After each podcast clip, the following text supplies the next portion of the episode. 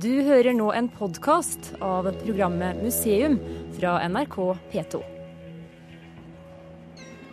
Her ser du en viktig inntektskilde, iallfall for guttekoret, som får, en, som får en spade og ei bøtte av og til og kan måke opp penger. Museum er i Nidarosdomen.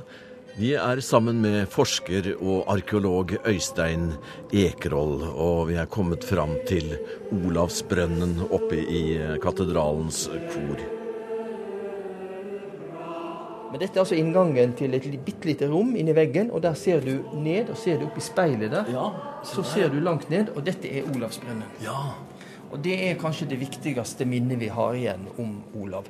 Altså ifølge igjen tradisjonen så kom det opp et kilde med helbredende vann ved, ved, siden av Olavs grav. Ja. Og Hvor dyp er den, du? den er tolv meter. Og den går altså helt ned til samme nivået som Nidelva ligger på. Altså det samme vannførende laget. I museum sist helg fulgte vi pilegrim Øyvind Østang på en dagsetappe gjennom Alpene. Han går veien via Romea, veien til Roma. I Østangs fotspor går det nå en pilegrimsstafett samme veien. Den startet i Trondheim på vårparten og skal først til Roma og senere Jerusalem. I dette programmet skal vi høre at Nidaros, eller Trondheim, var en av middelalderens store pilegrimsmål, og at det er blitt det igjen i moderne tid. Ja, altså vi vet jo at tilstrømminga var veldig stor på 1000-, 1100-, 1200-tallet. Men det var jo sånn i middelalderen som i vår tid, at det, ting er på moten, og så går det litt av mote, og så kommer nye, nye til. Og man skulle jo sånn sett tro at det Olav som da ville blitt sagt, utdatert som helgen. For vi hører faktisk ikke om nye mirakler eh, som Olav eh, utfører. Og Da skulle man kanskje tro at det har interesser hadde dabba av, og det kom jo andre nye helgener som, Ja. som var mye mer eh, Som produserte mirakler. Men det merkelige, det som virkelig merkelig som skjer, er jo at det i, mot, utover på 1300-tallet, da liksom Norge går tilbake Vi har ikke noe kongehus lenger, det sitter Nei. i Danmark.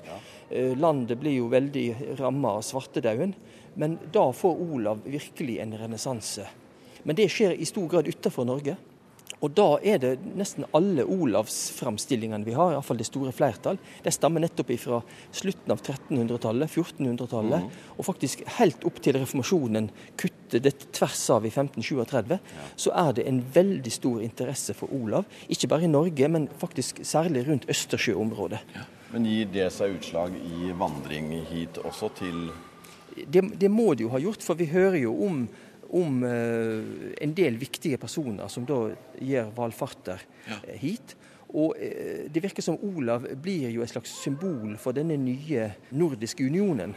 Kalmarunionen. Mm. Ved at eh, Olav blir Norges representant, så har vi Sankt Erik i Sverige, og så har vi Sankt Knut i Danmark. Og disse tre hellige konger det måte blir paralleller til de tre hellige konger man møter i Bibelen. Og vi vet det, det ble alter innviet til nettopp disse tre kongene her i, i Nidarosdomen. Og, eh, og særlig interessant er det jo at i den nye kongefamilien vi får da, eh, så blir Olav brukt eh, som navn. Arkeolog Øystein Ekroll arbeider ved Nidaros domkirkes restaureringsarbeider, og har levd i og med denne katedralen i 23 år. Han er en stor kunnskapskilde om kirkens historie. Stein Tue er pensjonist og pilegrim og pilegrimsorganisator. Han kom inn i denne materien gjennom sitt arbeid i Trondheims kommune, og er nå en viktig representant for den moderne pilegrimsbevegelsen i Norge og internasjonalt. I tilbakeblikk så kan vi jo forstå årsakene til at reformasjonen bar med seg forandringer av pilegrimsvandringen, slik de var utartet noen steder i Europa. Men som en av pilegrimsprestene i nyere tid i Trondheim har sagt, eh, nå, når vi nå har gjenoppdaget pilegrimslivets gleder, så kan du jo si at kirken under reformasjonen kastet en baby ut med badevannet da de oppga pilegrimsvandringen, som jo egentlig er en kilde til forståelse av skaperverket og til inspirasjon. Og det som, eh, for å ta et sprang i begivenhetenes gang, da, så har jo det skjedd siden pilegrimsleden ble innviet i 1997. At Den norske kirke har fattet interesse for dette her og tatt det til seg. og gjort det til en berikelse for, for kirkens virksomhet. Eh, en annen interessant ting som har skjedd når det gjelder utviklingen av pilegrimsvandringen, var jo da Toril Vidvei, kulturminister, nå tok initiativet til en vandring inn mot Trondheim med representanter fra ulike trossamfunn. Der de brukte to dager til å komme hverandre nært inn på livet og forstå hverandre. Og skape et grunnlag for hvordan kan vi få innsikt i hverandre. Hvordan kan vi leve sammen og lære å sette pris på hverandre. Men eh, selv så er du agnostiker? Ja, det er ikke noe problem. Og kanskje kan man si det at uh, mens du i forhold til en kirke må forholde deg til eh, en tro, en eh, spesiell måte å tolke verden på, så er du som pilegrim din egen herre. Det er du som nærmer deg det åndelige på dine premisser, ja. uten dogmer. Og det gir en himmel og et perspektiv som er verdifullt. En som ikke har eh, vært pilegrim og gått i dagevis, eh, vet jo ikke så mye om, om eh, tilstanden underveis, men er det mye stillhet? Det har jeg forestilt meg at det er. Det varierer en del, og litt avhengig av om du går som såkalt individuell pilegrim, eller om du går i en organisert gruppe. Går du i en organisert gruppe, så forekommer det at eh, vandringslederen foreslår at nå går vi noen kilometer i taushet, og så gjør man det. Men det er ikke noe sånn regime med at det skal være taust hele veien. Og når det gjelder det hva skal vi si, kontemplative aspektet, da, så trenger du ikke komme dit med en ambisjon om at nå skal du oppdage nye sannheter og ha høy grad av meditasjon. Men det som skjer, er at når du går så lenge Eh, og du kommer bort fra sivilisasjonens krav og mas og tidsklemme.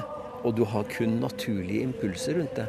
Og dagen består av å gå 20 km, måltider, hvile. Så dagen får eh, et helt annet innhold enn den ellers har. Og den gir rom for refleksjon. Og den refleksjonen blir jo hva du gjør den til. Men det å gå langt, det trenger ikke være en pilegrimsvandring. Det kan være en fjelltur også. Kan gi deg nye perspektiver på, å, på tilværelsen, på deg sjøl osv. Museum er i Trondheim. Det er Norges pilegrimshovedstad, med egen pilegrimsgård og pilegrimssenter og med mange ruter som ender opp ved det markerte nullpunktet litt vest for Nidarosdomens monumentale vestfront. Arkeolog og forsker Øystein Ekroll har vist oss Olavsbrønnen, og skal gi oss mer pilegrimshistorie litt senere i programmet. Stein Tue ble pilegrimsentusiast gjennom sitt arbeid som informasjonsmann i Trondheim kommune, og representerer den moderne pilegrim. Det gjør også Øyvind Østang, som vi fulgte i forrige museum. Vi var med han på en etappe i Alpene, og vi skal tilbake til Alpene og den turen nå, noen minutter, for å høre hva Østang tenker på når han går. Jeg tror nok folk kan bli litt skuffa hvis jeg da sier, men det er nok et ærlig svar, at um, jeg er jo ikke ute på noen botsvandring eller noe sånn nå må jeg huske Nå må jeg liksom Nei. forbedre meg. Jeg er jo selvfølgelig åpen for at det kan skje, skje, endringer med meg selv. Kona sa da jeg, vi møttes etter en drøy måned, at jeg var blitt mer langsom. Brukte mye lengre tid på å ta på meg skjorta, f.eks. Så altså, jeg blir Jeg merker at jeg, jeg lar ting skje litt, i litt langsommere tempo. Og det kan være sunt. Men om det vil holde seg når jeg kommer hjem, det vet jeg jo ikke. Det hadde vært fint, det, om det gjorde det. Så prøver jeg eh, Jeg kan ikke si at jeg går og memorerer eller mediterer over bibelske tekster eller noe sånt. Så from skal jeg ikke skryte på meg at jeg er. Men eh, jeg nevnte vel at jeg da Er det en kirke som er åpen, så går jeg inn. Står der litt stille, ber en bønn. Uh, og går langsomt ut igjen. Og gjør som folk altså Her i, i katolsk sammenhenger så tar man vivan og tegner seg med kors tegn. Det er fint, syns jeg. Så Det er en åndelig øvelse. Så det er jo en altså, du kan si Det det gjør med meg, det er at jeg kobler ut det, det daglige nyhetsjaget. Jeg jobber bevisst for Eller prøver bevisst å ta tak i eh, den kristne fromhetstradisjonen der hvor jeg er, ved å besøke kirker og oppføre meg i kirkene sånn som folk gjør her. Eh, og lese kirkerommene, se etter alterbilder, helgenbilder. Og mye av det som jeg ikke kan, slår jeg da opp. Og jeg bruker heller nettet til å finne ut mer om en kirke jeg har vært i, enn nyhetsbildet.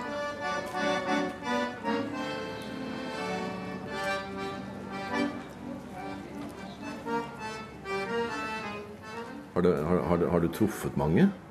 Altså, Jeg har ikke truffet mange vandrere. Jeg har sett mye folk på sykkel. Men ellers er det folk jeg treffer, det er eh, der hvor jeg bor, der hvor jeg spiser.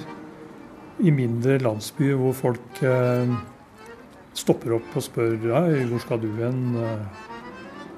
Kommer kjørende med traktor og stopper og skrur av motoren og spør om jeg trenger hjelp på sin veien. Og så var det en kar, da, altså Bondegårdene ligger jo i landsbyer her, så han sto inn på tunet sitt og, og, ropte etter meg. Og så kom jeg bort, og ja Han ropte etter deg, ja? Han ropte etter meg, ja. Hvor skal du hen? Nei, sånn og sånn. Ja, nei, treffer du paven, så får du hilsen fra meg. Men forresten, hvis du vil ha litt melk, så har jeg her. Sånn. Og så tok han en sånn halvliter, skylla den i en spring. Gikk inn i kjøletanken og tok en halvliter fullmelk fra fat, som han kalte det. Så det, det var en trivelig, trivelig, trivelig kar. Er det sterke kulturspor synes du, som er tydelige og som forteller noe om fortiden? Når vi skal tenke på bygningsspor langs veien, så er jo det nettopp kirkene og veikapeller som står som stabbesteiner langs, eh, langs denne veien. Um, og klostre, klosterruiner Det er liksom de tydeligste sporene. Men det er klart, hele, hele den europeiske kulturtradisjonen med Alt sammen ligger som stabbesteiner langs veien. For det er jo denne veien nordover den kristne tradisjonen kom. Eh, og i bred forstand så må du da regne inn teatre, operaer, orkester, eh, hus. Som også er en del av denne kulturen som er en sånn kirke- og kulturarv som veien går midt igjennom.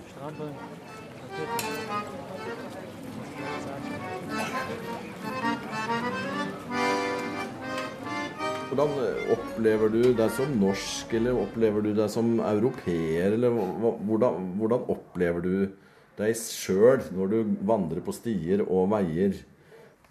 Altså, jeg opplever meg som en norsk europeer, for å si det sånn.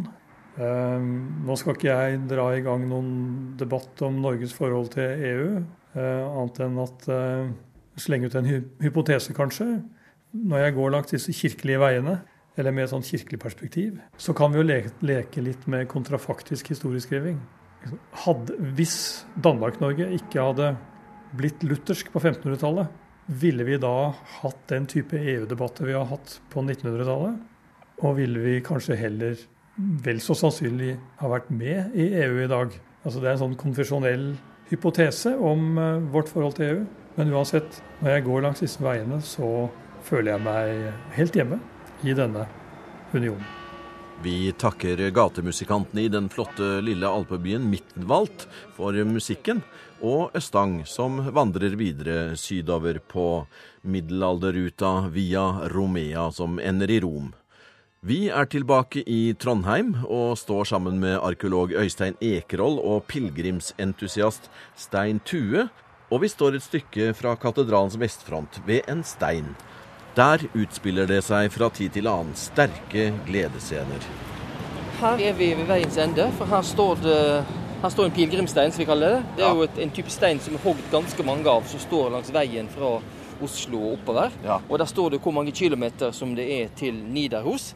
Og her ser du vi er ved veis ende, bokstavelig talt, for her står det null kilometer. Du er her. Ja, og du som har gått eh, pilegrim... Eh Stein, hvordan er den opplevelsen å, å komme fram til målet? Det er storartet. Det er mye gledesutbrudd her da. Og da kommer folk bort hit, og så poserer de på begge sider av denne steinen her, hvor det står 0 km til Nidaros, og så jubler de. Så dette her er et viktig sted for pilegrimene som kommer til Trondheim. Hvor ofte ser vi noen som kommer hit? Er. I juli måned så ser du mange komme hit. Men det største antallet ser du jo den 28. juli, ja. som er den dagen hvor de organiserte vandringene kommer hit. Nettopp. Men i middelalderen, når de kom hit, så var det ting de skulle se. Det var det som trakk dem hit, selvfølgelig. Og det må det vi gå og se på. Ja. Men før vi går inn, så skal ja. vi kanskje kikke litt på veien hit. For Stein Tue brukte et veldig viktig uttrykk, nemlig glede. Ja. Og eh, nå er det litt mye blad på trærne, men vi ser jo horisonten, eh, det vi kaller Byåsen her i Trondheim. Og der kom jo veien sørfra. Ja. Landeveien kom jo over Byåsen. Ja. Og der vet vi, der hører vi om faktisk i Kong Sverres saga. Og det er da omkring 1180. Ja. At du kommer ut på det punktet der du første gangen ser Nidaros og domen, så heter det Fegensbrekka. Og Fegensbrekka på gammelnorsk det betyr gledesbakken. Og det er en omsetning av det latinske mons gaudi. Og sånne gledesbakker det finner man ved eh, noen av de viktigste pilegrimsmålene. Man har et eh, rett vest for Jerusalem, der du første gangen ser Jerusalem når du kommer opp fra kysten. Ja. Du har ett eh, nord for Roma, der du første gangen ser Vatikanet med Peterskirka. Og du har det også i Santiago de Compostela. Og Det ordet har man altså da satt på den plassen her oppe, der man første gangen så målet. Og Det viser oss at det, her har du altså en tenking på samme måte som man har hatt ved de andre store pilegrimsmål i Europa. Man har laga det vi kan godt norsk kalle en, en infrastruktur ja. som, som et skikkelig pilegrimsmål et pilegrimssenter skulle ha. Og eh, Vi har også andre ting som vi skal kikke på rundt her, som viser at det man var veldig bevisst på at det Nidaros skulle være et sentrum på samme måte som de andre store pilegrimssentra.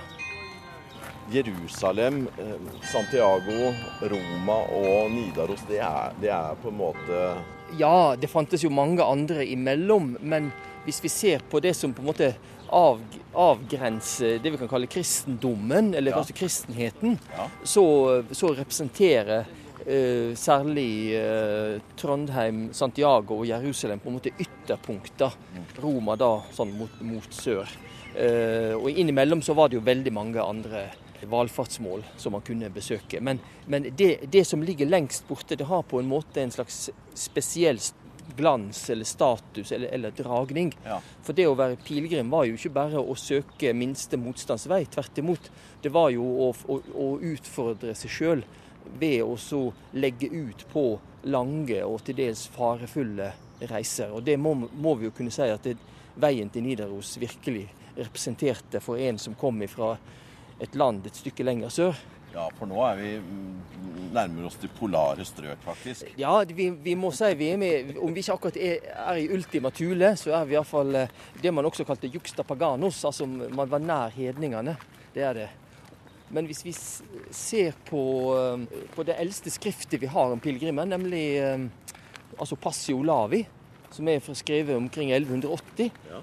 Og hvis jeg går igjennom alle mirakler som er omtalt der, så er det faktisk forbausende. Jeg prøvde å gå igjennom, og så fant at altså, man hører jo om folk fra Bretagne som kom hit. Og dette er altså før 1180. Før 1180, ja. før 1180 Altså de, de første 100-150 år etter uh, Olavs død. Altså Fra Bretagne hører folk, Paris kom det folk ifra. Og fra Galicia, det er jo der Santiago ja. de Compostela ligger. Fra Irland. Vi hører om et mirakel i Konstantinopel, som Olav gjorde. Og i Estland. Og også i Novgorod, eller Holmgard, som man kalte det. Ja. Og også i, i Danmark. Eh, så i løpet av vel 100 år etter sin død, så har altså Olav altså enten gjort mirakler eller trykt trekke til seg folk ifra vi må nesten kunne si hele Europa. Ja. Og det er ganske spesielt for en helgen på en såpass eh, spesiell plass som Nidaros. Nettopp. Det vil jeg tro. Ja. I virkelig utkanten. Ja. Og så hører vi da også om at det er hovedsakelig to grunner til at folk kom hit. Den ene det var de som ville søke hjelp her. Altså det var lamme, og det var stumme, døve, blinde Altså folk med alle slags fysiske skavanker som håpte de kunne finne helsebot ja. her. Ja. Det andre det er de som hadde begått en eller annen forferdelig synd og var pålagt som bot å reise opp hit for å få tilgivelse for sine synder. Man kunne synder. bli pålagt det, altså? Det kunne man pålagt. Og det var vel særlig fordi dette var virkelig sånn, sånn sett mot, mot, verdens ende. Ja. Og at det, man, det var vel liksom at hvis man overlevde dette, så var, hadde du virkelig gjort bot og bedring. Den nye pilegrimstradisjonen er jo et slags svar på det moderne mennesket sin et slags angst for å diskutere religion. Det blir jo sagt at eh, folk har lettere for å diskutere sitt eget seksualliv enn sine religiøse følelser. Ja. Og, og, nettopp det at man kan, man kan, utføre ting fysisk ved å så faktisk legge ut på en tur. Eh, og det å gå tur er jo også en del av norsk religiøs ja, ja. utøvelse. Og at man altså da kan, kan pakke det inn i en en eh, religiøs dimensjon også. Det tror jeg er eh, noe som da tiltaler mange, og som gir på en måte et legitimt eh, uttrykk for mange for religiøse følelser. Ja. Den tilstanden man er i når man går, den skaper jo også ting i hjernen som gjør at du, du, både tenker og ikke minst taler om ting som du normalt ellers ville ha veldig vanskelig for å tale om. Så, så, jeg tror at det er veldig mye, veldig mye god terapi for folk å legge ut på en sånn vandring. Nå, nå, står vi da rett innenfor hovedinngangen, hovedportalen i Vestfronten. Og etter vi fikk bygd om orgelet her i fjor, så har vi nå fått åpna hele det store strekket. Vi ser nesten 100 meter rett øst, og du ser et lys, et enkelt lys lengst borte. Det står på hovedalteret. Og det er det, det punktet som da, helt iallfall fra tidlig 1200-tall, er utpekt som plassen for Olavs grav. Så det er en tradisjon som dere går tilbake igjen til 1000-tallet. Og det var det pilegrimene kom for å Det var det virkelige målet. Ja. Så når man da kom inn, inn her, så har man da bevega seg ganske sakte oppover, må vi tenke oss, med flere stopp og bønner på veien, ja. før man kom opp til hoved, si, hovedmålet og Det er jo da Olavs grav, som da er omgitt av en, av en åttekant, en åttekanta bygning, en, en, oktogon. Og er, Det er veldig spesielt i norsk og nordeuropeisk sammenheng. Og eh, etter mitt syn så er eh, bakgrunnen for det at det man ville gi Olav en fysisk ramme som førte tankene direkte hen til en eh, altså, viktig, andre viktige pilegrimsmål i Europa. Og eh, de, de åttekante bygningene de var gjerne brukt som kirke for martyr. Og, og Olav var jo martyr. Eh, han, han, ble drept, eh, mente man, for sin kristne tro. Ja. Og han er alltid omtalt i, i kildene som eh, rex et martyris, konge og martyr. Nettopp. Og eh, ved å gi han en åttekanta bygning rundt hans grav og skrin, så så signaliserte man veldig tydelig, også på lang avstand, at her ligger eh, grava til en martyr. Som eh, forsker og arkeolog, hvordan, hvordan ser du på den renessansen som pilegrimsvandringer har fått de seneste er det 20-30 år eller, allerede? Siden 1980-tallet. 1980 altså, som, som, som, forsker så skal man jo være litt, litt sånn sur og tverr og være kritisk til, til mange ting. Ja.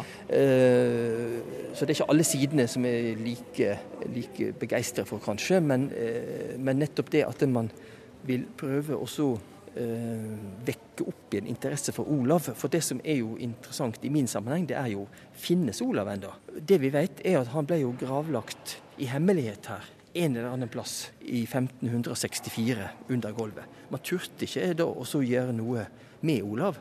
Nei. Men det, det, eneste man følte man kunne gjøre, var å bare prøve å gjemme han unna. Og en eller annen plass, sannsynligvis under gulvet i oktogonen. Ja, her oppe, ja. Ja. For Til å begynne med så sto han i en åpen grav, altså man så en kiste. Mm. Så begynte folk å komme og tilbe og, og kaste mm, penger nedi der. Og Da likte ikke myndighetene det, og da fikk de kasta jord i graven. Altså De fikk fylt grava og lagt gulv over. Og så forsvinner han ut og soga. Eh, men det at interessen for, for, det området som er ditt fag- og arbeidssted, det må jo være positivt? Ja da, det er veldig positivt. Og særlig det at det, Nidarosdomen ikke bare er en turistattraksjon, men, at det også er et, et åndelig mål for mange. Og det er jo merkelig sånn sett, og det er en bygning eh, Man snakker det er jo særlig i eiendomsmeglerbransjen, man snakker om hus med sjel. Men i, men i dette tilfellet her, så tror jeg faktisk uh, man må være enig i uh, at det, denne bygningen her, i mine 23 år, så er det altså Det føles som det var i går at det begynte. Det er noe med ingen forlater denne bygningen uten å ha fått et inntrykk. Og det er, det er verken den eldste, den største eller Nei. fineste katedralen i Europa, men du skal lete lenge for å finne noen som ikke syns at det var en veldig spesiell opplevelse å besøke Nidarosdomen.